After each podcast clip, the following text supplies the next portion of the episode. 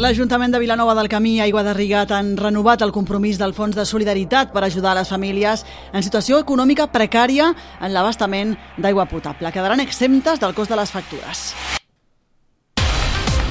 El fons es va crear l'any 2016 per respondre a la caiguda dels ingressos i l'empobriment de les famílies. Per mitjà de la renovació del conveni es dotarà de 8.000 euros, dels quals Aigua de Rigat assumirà la totalitat. I continuem parlant de l'aigua perquè Vilanova del Camí acull l'exposició Operació Aigua per conscienciar sobre l'escassetat hídrica. La mostra didàctica estarà situada a la plaça del Mercat fins al pròxim 2 d'abril i rebrà les visites de l'alumnat. Avui farem també la primera crònica del ple ordinari celebrat aquest dilluns, una sessió durant la qual hi va haver un ampli consens per aprovar els punts de l'ordre del dia.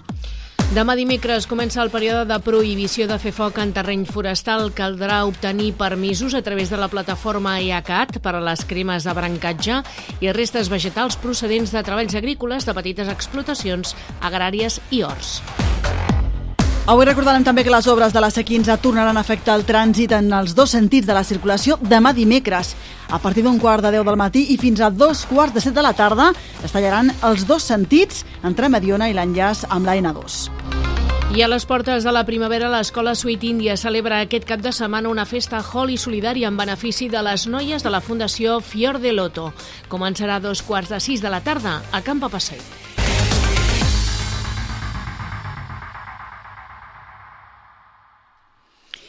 Un nombre creixent de llars manifesten dificultats per a fer front a les despeses de l'habitatge i de subministraments bàsics com l'electricitat, el gas o l'aigua potable. L'Ajuntament de Vilanova del Camí i Aigua de Rigat han renovat el compromís del Fons de Solidaritat per ajudar les famílies en situació d'economia precària en l'abastament concretament d'aigua potable. El fons comporta l'exempció del pagament de les factures d'aigua a les persones amb greus dificultats econòmiques.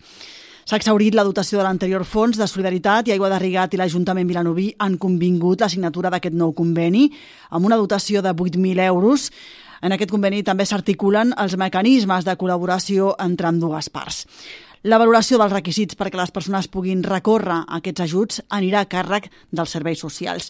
I a banda de criteris econòmics també tindran en compte que el consum sigui responsable i adequat a les persones que conviuen a l'habitatge, tenint en compte com a referència el consum de 100 litres per persona i dia que determina l'OMS.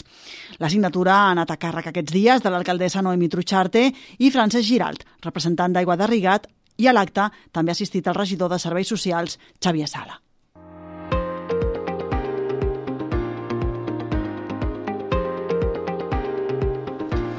L'exposició Operació Aigua és una iniciativa d'Aigua de Rigat que s'ha instal·lat aquest dilluns a la plaça del Mercat de Vilanova del Camí.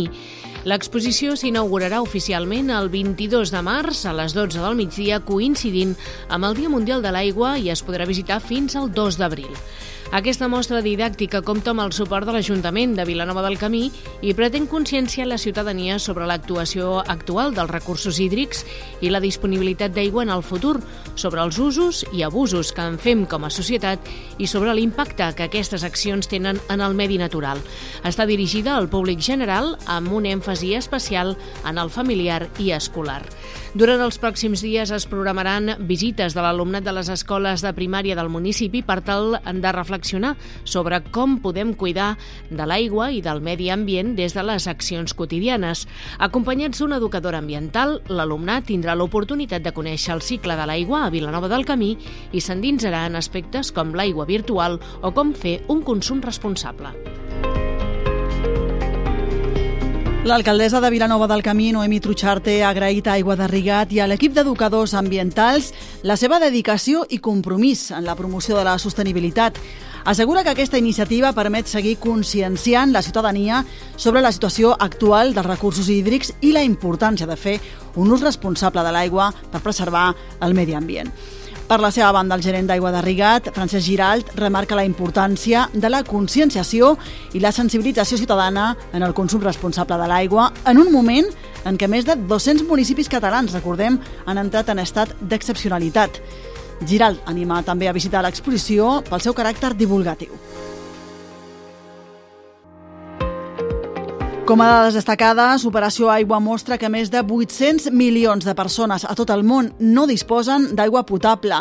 També es visualitza que més de 4.000 milions de persones no tenen accés a lavabos i que un 80% de les aigües residuals es llencen als rius i al mar sense tractar, cosa que provoca la contaminació de les aigües.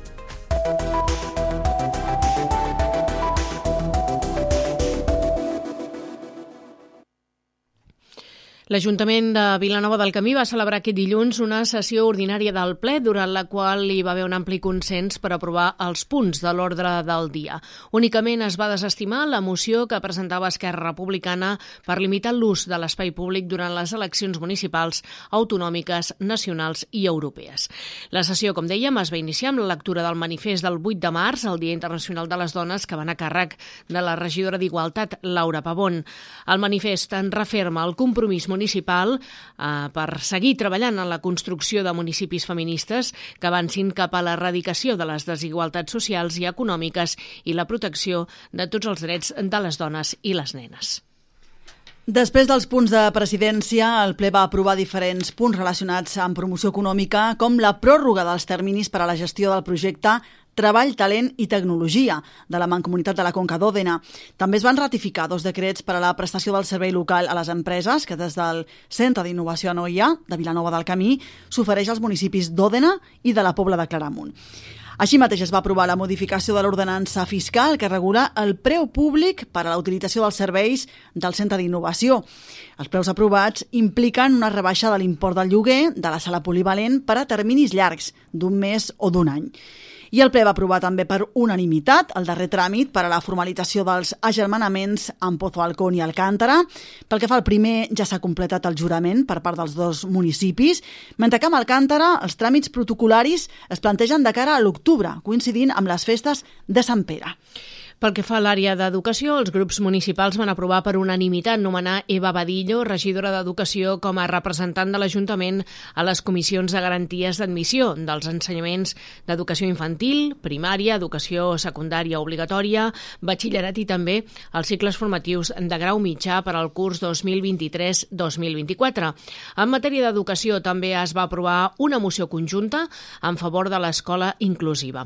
La regidora Eva Badillo va defensar en nom de la Corporació Corporació Vilanovina que l'educació inclusiva esdevé una prioritat per a totes les famílies, pel professorat, pels equips directius i per la societat en general, perquè garantir la inclusió en educació, va dir Badillo, ens permetrà forjar les bases d'una societat realment inclusiva, una societat que visqui la diversitat com un element positiu i enriquidor. I això, va dir, ha de ser una prioritat de tots. Per tot plegat, el ple insta al Departament d'Educació que incorpori a l'agenda política del govern català l'educació inclusiva com a prioritat i que s'estableixin les mesures necessàries per al desplegament efectiu del decret d'educació inclusiva que es va aprovar l'any 2017. La sessió plenària es va tancar amb el debat d'una altra moció, en aquest cas proposada per Esquerra Republicana, per limitar l'ús de l'espai públic durant les eleccions municipals, autonòmiques, estatals i europees. Una proposta que es va desestimar, ja que només va comptar amb els vots favorables dels quatre regidors d'Esquerra Republicana i el de Vilanova Alternativa. PSC i Junts van votar en contra perquè la redacció de l'ordenança que ho hauria de regular no seria efectiva per a aquestes eleccions municipals que es celebraran el pròxim 28 de maig. Tampoc comparteixen la proposta de limitar la publicitat electoral a nou carrers del municipi perquè ho van considerar discriminatori. I en aquest punt, Vilanova 365 s'hi va abstenir. Durant el ple, els grups també van aprovar per unanimitat el tercer Pla d'Igualtat de la Mancomunitat de la Conca d'Òdena, que inclou la diagnosi i el pla d'acció per als municipis d'Igualada, Vilanova del Camí, Santa Margarida de Montbui, Òdena, la Pobla de Claramunt, Jorba i Castellorí per als anys 2023-2028.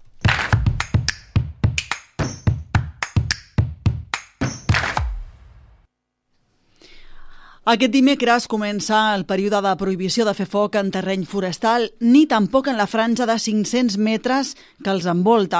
Només seran permeses aquelles activitats autoritzades pel Departament d'Acció Climàtica, Alimentació i l'Agenda Rural. No es poden cremar restes de poda i d'aprofitaments forestals, agrícoles o de jardineria, ni marges pròxims a zones forestals sense una autorització expressa del Departament d'Agricultura. Tampoc no es poden fer focs d'esbarjo ni d'altres relacionats amb l'apicultura i dins de les àrees recreatives i d'acampada i en parcel·les de les urbanitzacions només es podrà fer foc quan s'utilitzin barbacoes d'obra amb mataguspires. I a més a més queda prohibit llançar objectes encesos o fer abocaments de qualsevol mena que puguin ser la causa de l'inici d'un foc. Les cremes de brancatge i de restes vegetals procedents de treballs agrícoles de petites explotacions agràries i horts s'autoritzen a través de la plataforma EACAT.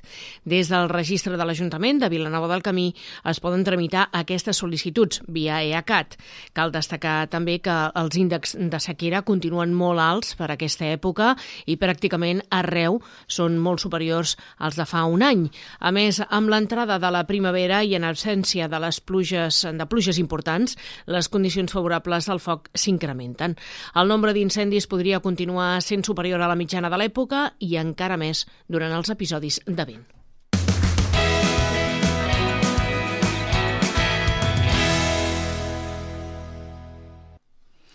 L'Escola Sweet India celebra aquest cap de setmana una festa Holi solidària. Professorat, alumnes del centre i d'altres escoles amigues han preparat un espectacle de música i dansa per celebrar l'arribada de la primavera, una celebració molt especial dins del calendari hindú. La festa de Sweet India tindrà novament un motiu solidari i els beneficis de les aportacions es destinaran a la Fundació Fior de Loto de Pushkar, que acompanya noies sense recursos i en situació de vulnerabilitat i facilita la seva formació des de ben petites, com explica la directora de Sweet India, Sílvia Bautista. Y empiezan hasta de niñas de hasta de cuatro o cinco añitos que se cogen, que a lo mejor son familias desestructuradas, que no tienen nada para comer, no tienen nada para vivir, o incluso familias de, de padres problemáticos, uh -huh. eh, metidos en la droga o lo que sea. Entonces se les ayuda a que puedan tener una vida buena. L'escola ha concebut la celebració de dissabte com un show molt variat de peces de Bollywood, dansa oriental, flamenc, boli gips i fitness i burlesque. Como ya nos conocéis un poquito, será bastante variado. Uh -huh. Tendremos tanto cosas de la India como cosas de danza oriental, como de flamenco, como de burlés. Tenemos un par de artistas invitados de fuera, como ya sabéis. Así que, y entre medias van a haber dos sorpresitas nuevas. Sweet India comptarà un cop més amb la col·laboració d'altres artistes com el Barna Bangara Gup, eh, que són alumnes del grup de flamenc Cal Taranto, professor de l'escola, imparteixen altres localitats, així com un grup de Bollywood de Terrassa. Tenemos un par de grupitos de, de flamenco que tiene nuestro profesor el Taranto en otros sí. pueblos y luego también tenemos un grupo que viene de Bollywood de Terrassa que ya habían venido alguna vez a colaborar con nosotros y el grupo de Bangra de Barcelona. L'espectacle començarà a dos quarts de sis de la tarda a Camp Passeig, però les portes, com és habitual, s'obriran mitja hora abans perquè volen començar puntuals. Pel que fa a les col·laboracions, que com dèiem seran voluntàries, es podran fer el mateix dia en el moment d'accedir a la sala per mitjà d'una guardiola. I també hi haurà possibilitat de seguir les actuacions des de casa per mitjà d'un directe a Facebook i fer les aportacions per Visum. Pero si lo quiere ver desde sus casas y quiere hacer el favor de también ayudar, pues daremos el número de teléfono mío y a través de un Bizum o lo que quieran, tienen, tienen que poner eso sí para que nos aclaremos todos bien, solidario Fiordilot.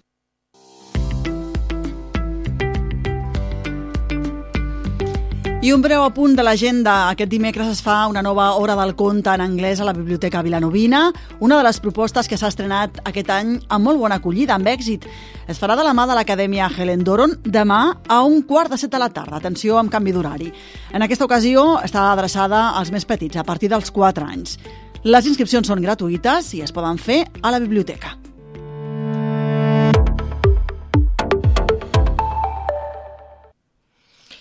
Les obres de la C15 tornaran a afectar el trànsit en els dos sentits de la circulació demà dimecres 15 de març.